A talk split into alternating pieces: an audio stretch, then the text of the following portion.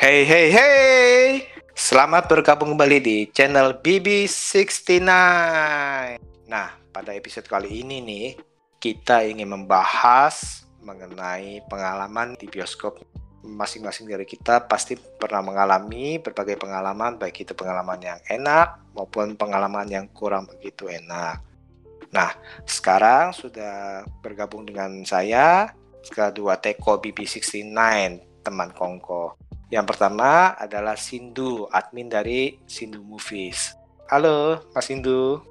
Halo, selamat malam, selamat pagi, selamat siang, selamat sore buat kalian semua yang sedang mendengarkan podcast Pak Bibi kali ini. Oke, gimana Mas Sindu? Sehat ya? Uh, puji Tuhan, sehat selalu dan puji Tuhan sekali masih bisa tetap berproduksi kali ini. Nah, teman kongko saya yang kedua ini adalah seorang teman yang udah lama banget nih nggak kolab lagi nih sama saya nih, partner crime nih. Halo Mas Watching, apa kabar? Halo, halo Mas Bebe, Mas Indu. Nah, kita udah lama nih nggak ketemu ya Mas Watching ya. iya ya udah. udah hampir uh, seminggu dua minggu ya kurang lebih seminggu, ya. Seminggu dua minggu ya. Guys, saya punya pikiran nih soalnya kan kalau kita nonton bioskop nih biasanya kan pasti kan ada pengalaman pengalaman yang unik lah ya. Nah, saya ada ada beberapa nih yang saya ingin tanyakan ke kalian nih. Kita kan kalau nonton bioskop pasti kan akan memilih posisi duduk nih, benar kan ya? Nah, saya mau nanya dulu nih ke Mas Indu nih. Biasanya nih kalau Mas Indu nonton di bioskop, posisi yang paling Mas Indu cari posisi apa nih? Oke, uh, sebenarnya aku sudah lock beberapa posisi yang aku suka kali ini. Biasanya posisi yang aku suka itu di A17, kalau enggak A5 atau A4. Dan kalau misalnya nggak dapat tempat duduk yang atas, aku lebih prefer di E8, nah, gitu. A itu adalah yang paling atas. Iya, kalau untuk SSY. Kenapa? Uh, kalau ditanya alasannya mengapa saya per perlu duduk di situ, itu karena apa ya? Karena saya kan satu silinder. Yang kedua, saya juga minus dan minus sama silinder saya kan cukup tinggi. Dan andai kata duduknya di bawah juga, saya kan punya sesuatu yang darah tinggi tuh. Jadi kalau harus uh, kalau duduknya di bawah juga kan sebenarnya tidak enak dan harus terlalu dangak. Kalau dangak itu uh, bikin kepala pusing dan nggak fokus. Dan kalau du duduknya di atas dan di bagian pojok tangga itu ada alasan tertentu sih. Le selain lebih fokus, selain itu juga kalau mau pergi ke toilet, film atau apa, uh, saya tidak perlu per bilang excuse me ke tetangga saya dan saya bisa langsung turun tangga dan itu kan deket gitu loh. Jadi ada alasan oh. khusus kenapa pilih di situ. Jadi kalau kalau saya simpulkan itu Mas Indu itu lebih milih di paling atas dan di paling pinggir ya supaya kalau mau keluar itu kita langsung keluar aja ya. Jadi nggak usah di tengah-tengah yang kita permisi-permisi gitu ya, benar ya? Pinggir tangga lebih tepatnya. Betul, yang benar-benar dekat pas di tangga itu ya. Oke, mm -hmm. oke, cukup menarik. Kalau Mas Watching gimana Mas Watching? Kalau posisi kursi Pak ya. Kalau posisi kursi kalau gue di tag ini gue akan bagi tiga subkategori lagi nih pak. Kalau gue tuh ngebagi ke tiga subkategori nih. Jadi pertama ketika gue nonton sendiri, kedua ketika gue sama pasangan, ketiga ketika gue sama temen-temen. Kalau misalkan sendiri ya mas ya, kalau gue sendiri, gue tuh biasa kalau gue lihat di MTX ya, kalau gue lihat di MTX atau di chat langsung, gue biasa posnya tuh yang agak jauh mas. Kalau posisi filmnya agak rame, gue tuh suka tuh yang agak menjauh koknya kalau lagi nonton sendiri mas. Gue jadi gue nggak terlalu peduliin itu di tengah di belakang atau di samping. Kalau nonton sendiri gue lebih yang agak nggak terlalu deket-deket orang lah nggak terlalu deket orang. Kalau gue sendiri tuh biasa tuh kalau gue lagi nunggu macet lagi nunggu orang rumah pulang tuh biasa gue suka nonton kalau sama pasangan gue lebih seneng posisi tuh yang benar-benar tuh enak di, di gue mood gue tuh di tengah-tengah biasa tengah-tengah ke atas gue nggak suka paling belakang tapi gue suka tuh tengah agak mungkin ibaratnya dari tengah naik satu atau dua dan kalau pasangan kalau lagi rame gue lebih baik posisi yang gampang keluar kayak mas gue bilang tuh kalau posisi filmnya gue tahu nih bakal rame gue berusaha tuh cari posisi tengah dan posisinya deket keluarnya tuh gampang. Karena kalau gerak keluarnya juga tuh. Mas. Terus ketiga, kalau posisi dia temen biasa kan teman-teman kantor kan biasa cowok tuh kadang-kadang tuh. Gue biasa nggak pilih posisi tuh yang agak pojok sih. Biasa kalau sama cowok karena teman-teman kantor ya, gue biasa tuh Hmm. agak agak agak tengah sih agak tengah dan pasti gue menghindari tuh di pojok bedanya tapi kalau ditanya posisi paling favorit secara keseluruhan di tengah mas gue mas kalau ditanya secara garis besarnya tuh di tengah gue paling suka Baik itu maaf, baik itu kursinya di A B C D E F G itu adalah uh, kursi abjad tengah dan Heeh. tempat duduk di tengah-tengah gitu. Apa tempat duduknya di tetap di pinggir tangga? ada dua kriteria lagi sih jadi satu di tengah kedua agak jauh sama orang-orang di samping atau belakang Kenapa harus jauh dari orang? Kayaknya kalau nonton secara keseluruhan kalau deket-deket orang ya kalau filmnya nanggung-nanggung ya nggak terlalu rame nggak terlalu sepi kayak gue lebih seneng tuh yang samping-samping itu sepi mas. Mau gitu kita lagi berdua sama temen atau lagi sendiri. Iya kayak gitu sih mas. Karena mungkin gak ntar cerita lagi nih ke yang trauma-trauma hal-hal yang trauma mungkin di Yang, masa yang kurang enak ya. Iya yang oke. bikin gue tuh demennya tuh nggak terlalu banyak area di samping gue Oke oke cukup menarik sih nih. Ini dua dua orang mempunyai dua perbedaan pendapat nih. nah, nah terus berikutnya nih. ah, bicara mengenai nonton kan pasti kan sekitar sekarang ini kan rata-rata kan 90 menit lah ya, bahkan 120 Oke. menit ya. Kita bicara kan dua jam nih. Otomatis kan kita akan haus ataupun lapar nih istilahnya kan minimal kita haus lah. Nah sekarang saya mau nanya nih, kalian biasanya itu membawa makanan atau minuman dari luar atau kalian beli uh, di dalam Ah, dari Mas Watching gimana Mas Watching? Nah, kalau ini juga akan dibagi ke subkoordinat lagi nih, Mas. Dibagi ke sub-sub grup lagi. Jadi kalau misalnya aku nonton sama lawan jenis, anggaplah itu kan aku kadang suka ngajak lawan jenis gitu. Kalau dia pecinta film, aku suka nonton misalkan. Itu biasanya aku mau nggak mau, Mas. Mungkin karena emang kalau misalnya lawan jenis ya anggaplah itu gebetan kita atau teman kita mau nggak mau tuh 100% sih beli di dalam, Mas. Mau nggak mau, Mas. Kenapa nggak mau nggak mau? Malu? nggak enak dong kalau kalau kau baru kenal gengsi kan kalau beli di luar kan tapi kalau beda cerita kalau tem temen kantor ataupun udah jadi pacar kita udah lama pacar kita udah lama nih atau teman kantor atau sendiri itu 90% kalau nggak telat waktunya sih baik kan beli di luar sih Beli di luar. Oke. beli di luar jujur ya soalnya bukan apa-apa jatuhnya beda jauh banget mas Sekarang makanan yang paling gila yang kamu pernah bawa? makanan yang paling gila yang pernah dibawa ya yang dari luar berarti Yes.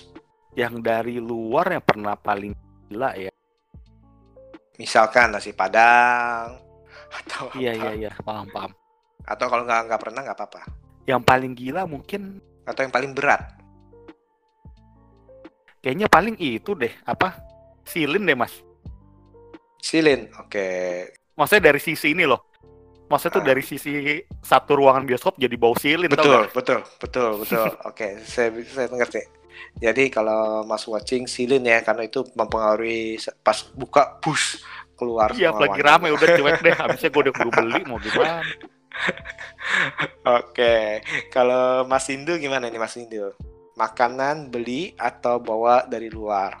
Oke, kalau aku sih 90% bawa dari luar dan 10% beli di dalam. Nah, gini, nanti aku akan juga jelaskan trip tips dan trik untuk membawa makanan itu supaya tidak diketahui petugas keamanan dan satpam dan lain sebagainya. Gitu, nanti aku akan beritahu. Oke. Karena gini sih eh, aku kan tadi seperti yang sudah aku bilang, 90% aku pasti membawa cemilan dan minuman dari luar. Terutama dari hypermarket atau supermarket ya, gitu. Karena eh, alasan khusus sih saya masih kantong pelajar dan mahasiswa jadi kalau beli makanan di apa itu jenengnya kafenya bioskop itu terkesan harganya sekitar 30-an ke atas dan tidak bersahabat. Lebih kadang harga makanannya lebih mahal daripada harga tiketnya. Nah, gitu Hmm. harga tiket di Solo mah 15.000 dulu pernah dapet makanannya harganya 30 35 50 edan wae nah mending traktir temen aku dengan harga yang Hmm. sama Mm-mm. nah alasannya itu kenapa aku lebih prefer 90% beli makanan di luar kayak gitu. Nah, lalu uh, aku sering bawa makanan apa aja sih di sini. Uh, kalau bawa makanannya, aku biasanya bawa kacang-kacangan. Itu hal wajib sih kalau misalnya aku nontonnya di jam 12. Aku kan kadang nonton jam 12 juga. Itu kadang kan belum makan berarti otomatis belum makan siang. Itu hmm. aku pasti bawa kacang. Nah, lalu pastikan juga aku bawa minuman dengan ukuran 330 mili. Kalau bisa kecil. jangan yang yang kecil-kecil lah pokoknya ukuran botol mini. Nah, ya walaupun kalau bisa juga harus air putih karena kalau uh, manis itu mendorong kita lebih bisa buang air kecilnya lebih sering gitu. Makanya aku menghindari minuman manis atau makanan manis ketika berada di bioskop. Entah itu beli sendiri atau beli di bioskop. Nah, gitu. Lalu kalau di bioskop 10 persennya itu aku lebih suka membeli apa itu uh, salt caramel popcorn kalau nggak salah itu kalau di X1 namanya. Hmm. Jadi yang kalau lebih harganya lebih mahalan dikit 30-an yang kecil itu harganya 30. Hmm. Yang besar 50 kalau nggak salah cuma dua ukuran. Di situ kan sangat spesial enak banget. Nah, lalu aku tadi sudah janji akan berikan tips dan trik bagaimana bisa menyembunyikan makanan dari luar karena sering kali di bioskop yang elegan kalau di tempat aku kan ada empat bioskop SS1, satu CGV dan satu Platinum di situ di kota aku. Nah, ada dua bioskop di Solo, terutama di Paragon Studio 1, Studio 2 dan di Solo Square Studio 1, Studio 2 itu yang bagian keamanannya paling ketat. Di situ ketika apalagi film-film hits kayak gitu, kan tas selalu diperiksa. Bagaimana cara menyembunyikannya? Nah, itu di sini aku akan beri tips yang menarik pastikan bahwa tas kecil yang ada tiga atau empat lerekan. Paham sampai sini? Nah, kosongkan lerek lerekan bagian depan dan bagian nomor dua itu dulu. Jadi bagian pertama dan kedua itu pastikan kosong. Lalu HP masukkan kantong. Lalu untuk makanan disembunyikan di lerekan nomor tiga atau empat atau di bagian belakang. Eh, lalu pada waktu saat menunjukkan tas di situ, pastikan tas yang ditunjukkan itu di bagian depan, di bagian hmm. satu dan kedua. Karena buat para keamanan cukup satu lerekan saja itu sudah menggambarkan isi tas kamu sebenarnya. Jadi uh, kalau misalnya ada pemeriksaan kayak gitu, pede aja, pede tunjukkan yang depan, yang belakang nggak usah tunjukin. Itu cara untuk nyelundupin makanan. Versi Sindu tidak untuk ditiru. Disclaimer ya. Mas Bebe, Mas Bebe. Yes. Mas Bebe. Gue yeah, mau nambahin yeah. dikit deh tips-tips dari watching movie kalau mau ma makanan ya. Iya. yeah kalau gua ya kan tahu kadang-kadang tuh emang sih di Jakarta itu walaupun nggak terlalu ketat di Solo mungkin tapi tuh juga ada beberapa bioskop tuh yang ketat juga mas. Ada beberapa yang ketat juga. Kalau cara gua adalah gua gua berbeda lagi nih sama Mas Indu lagi-lagi. Berbeda belakang. Kalau Mas Indu kan bilang handphone taruh ke saku kan. Hmm. kalau gua handphone malah gue pegang ketika kira-kira 2 meter atau 3 meter posisi dari pintu. Security. Itu iya. Gue langsung ambil posisi belaga nelpon mas Hmm. Kalau posisi dia tuh orang yang tipe yang ketat nih, tipe orang urutnya ketat, gue akan bilang nelpon pas depan dia gue ngomong, oh iya iya iya oke oke, ya udah udah gue udah mau datang deh, oke oke. Biarkan sampai kita udah masuk kurang lebih 3 meter, udah matiin handphone, aman selamat. Jadi eh, rata-rata bisa melewati ya?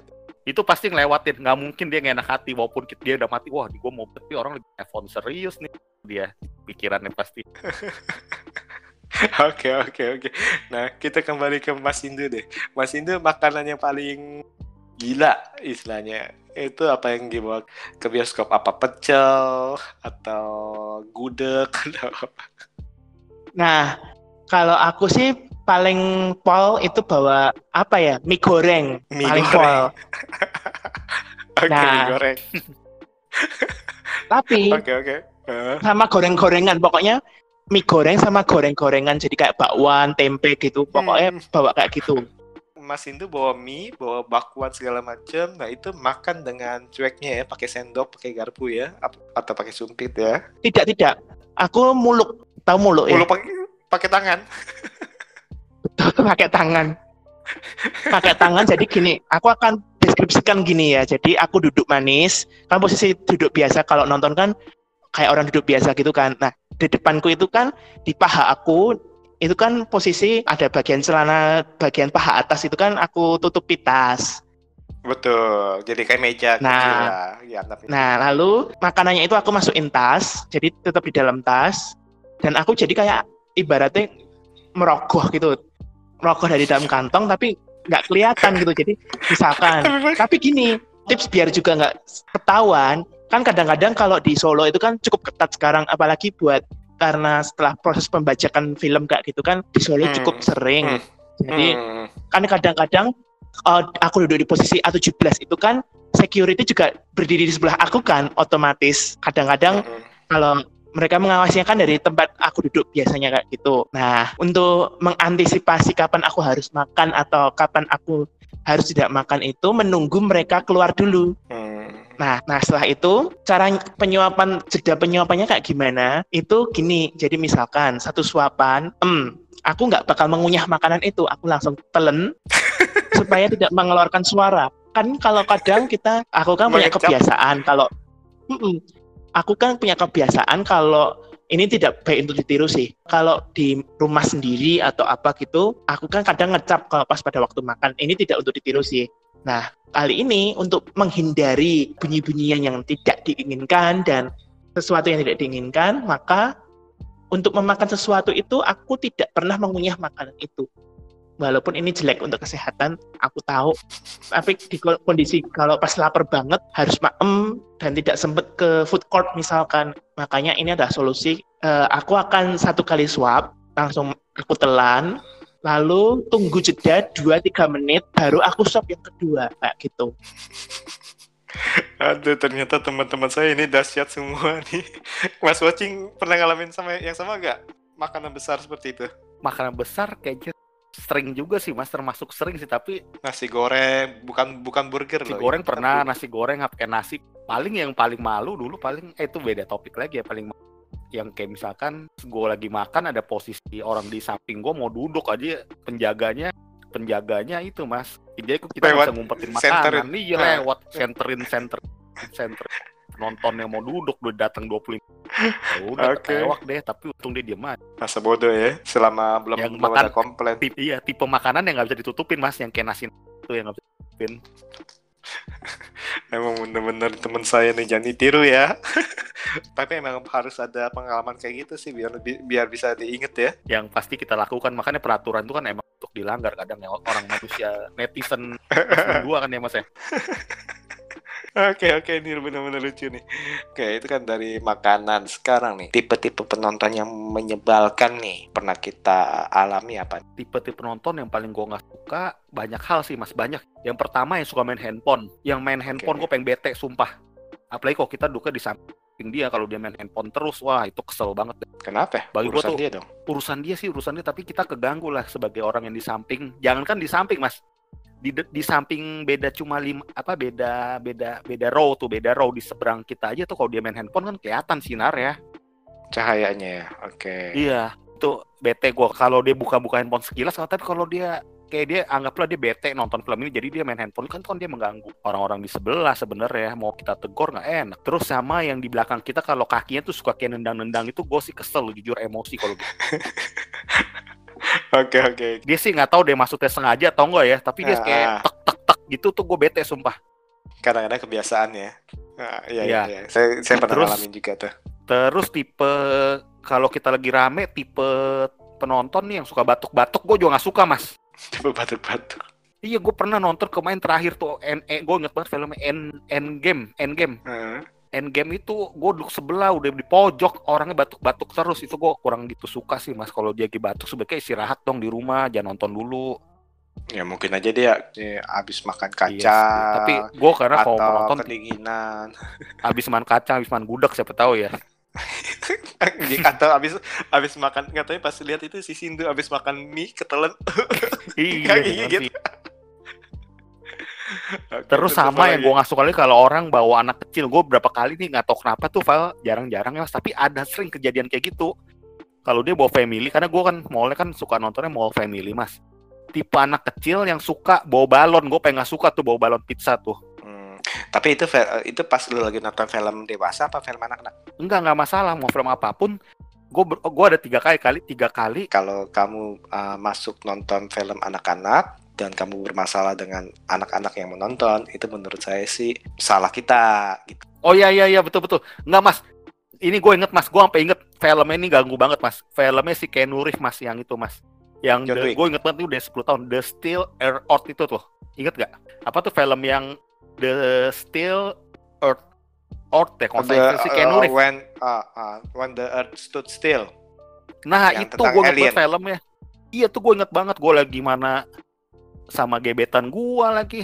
Terus dia di belakang gua itu anak kecil sama mamanya mainin itu gue udah tahu gue gue tuh ada fobia dikit mas sama suara balon mas balon yang Oh, tahu sih balon bergesek-gesek atau gitu yang digesek-gesek terus panjang film aduh sedangkan satu film rame semua gila deh tuh menderita gue kayak di kayak dihukum mati tau gak sih di dalam disiksa.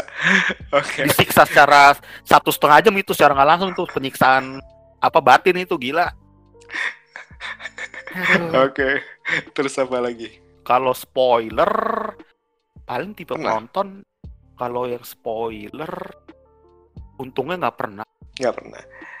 Coba kita ke Mas Indu nih. Siapa tahu Mas Indu ada pengalaman yang cukup unik nih. Gimana Mas Indu?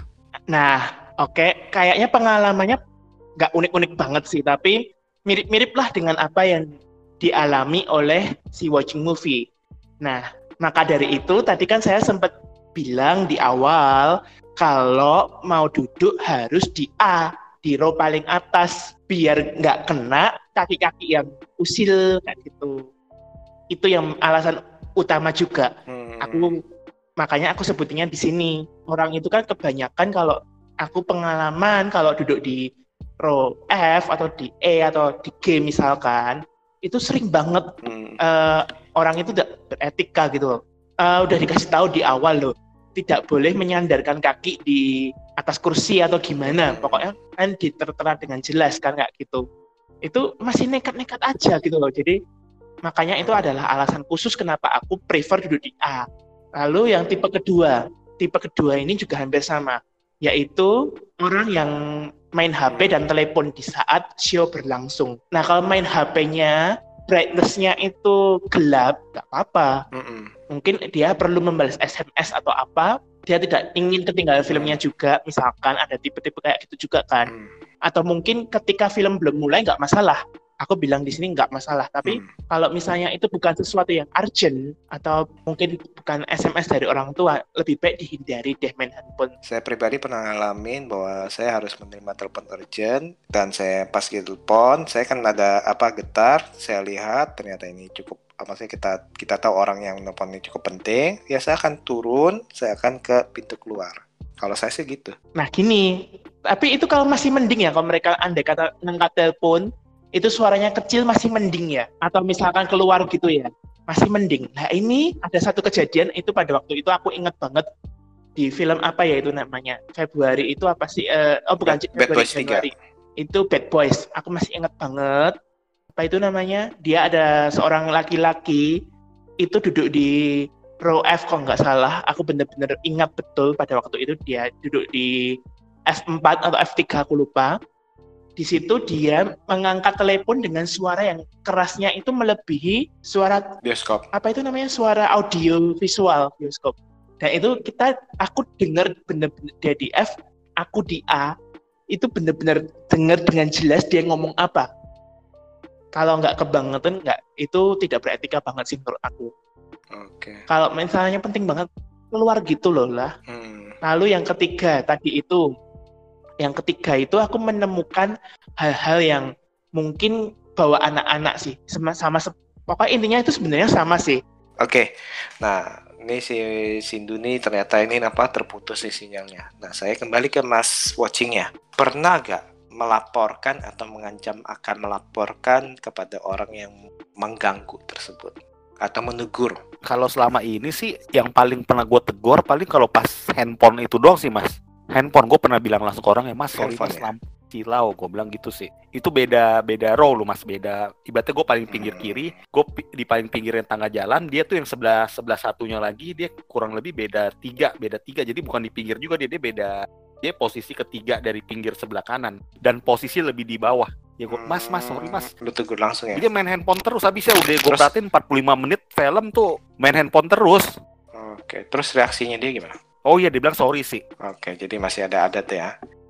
waktu itu di bawah gue itu gue pernah itu ABG nah itu satu kelompok pokoknya ributnya itu ribut yang berlebihan lah alay lah ya. Nah itu gue tegur sekali nggak bisa. Gue tegur dua kali masih ributnya yang yang norak lah kita bilang.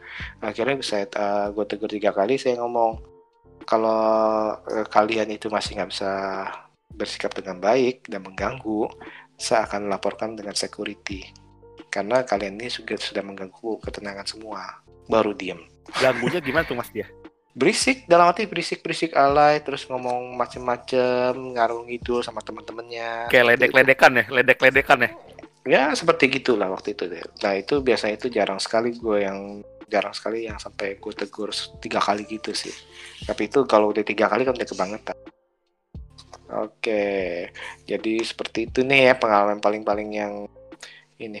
Nah, kalau misalkan dari gangguan-gangguan semua itu tuh ya, nah, yang bener-bener pengalaman paling inget, yang bener-bener paling Oh ya, ada ada. Ada apa? Gue ada dua pengalaman yang bener-bener bagi gue nih memalukan sama mengejutkan sih kalau gue sih hmm. bioskop. Yang pertama itu terakhir yang waktu gue nonton film Venom mas, Venom. Hmm.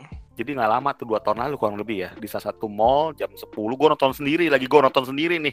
Eh enggak gue lagi nonton sama temen gue dia berempat tapi gue pisah pisah ini mas di di, di premier hmm. di premier pisah pisah posisi bangku karena penuh semua hmm. nah gue kan saat itu duduknya sebelah sama orang lagi sendirian juga cewek hmm. kan berdua berdua tuh jadi gue pilih yang saat kan kan tipe velvet ada yang bertiga ada yang berdua kan hmm.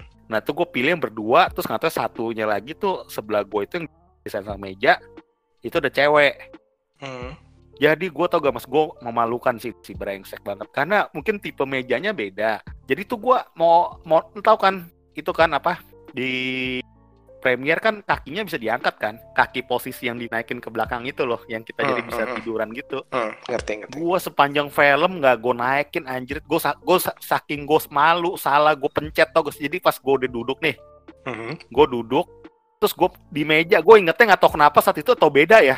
Kan biasa kan di pinggir mas. Biasa tuh pencetan tuh di pinggir ini di di meja ya kalau salah ya. Kalau salah di meja samping deh gue gampang. Pokoknya nggak tahu kenapa di saat itu gue tuh salah pencet gue pencet nomor itu malah.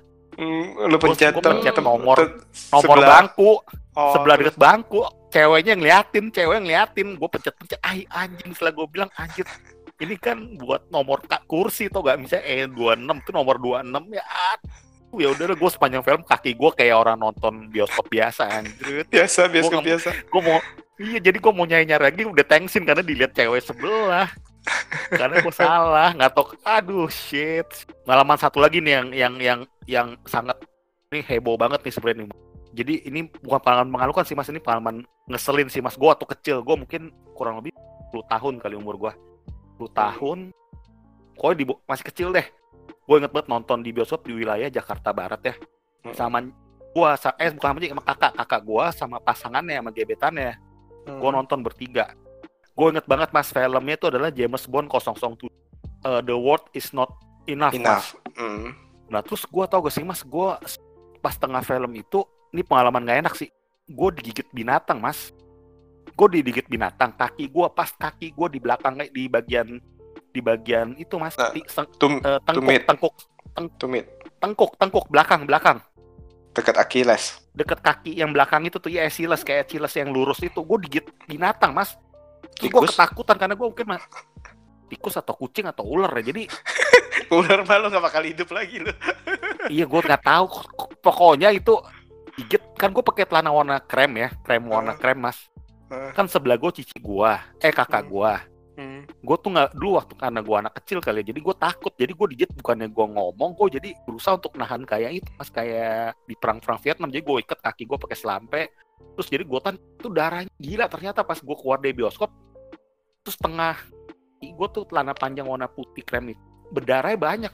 Hmm, umur berapa tuh? Bukan, kurang itu lebih 10, umur 10 tahunan kurang lebih gue takut jadi saat itu kecil gue bukannya bilang kalau udah gede mah gue langsung gue laporin polisi gue laporin hmm. ke manajemen gue besarin nih tapi waktu dulu kita takut jadi gue malah nggak mau bilang kakak gue jadi bawaannya hmm. terus gue akhirnya ke dokter kan ke dokter itu dia juga nggak bisa prediksi yang pasti bentuknya itu tusukan dua mas hmm. hmm, hmm, hmm.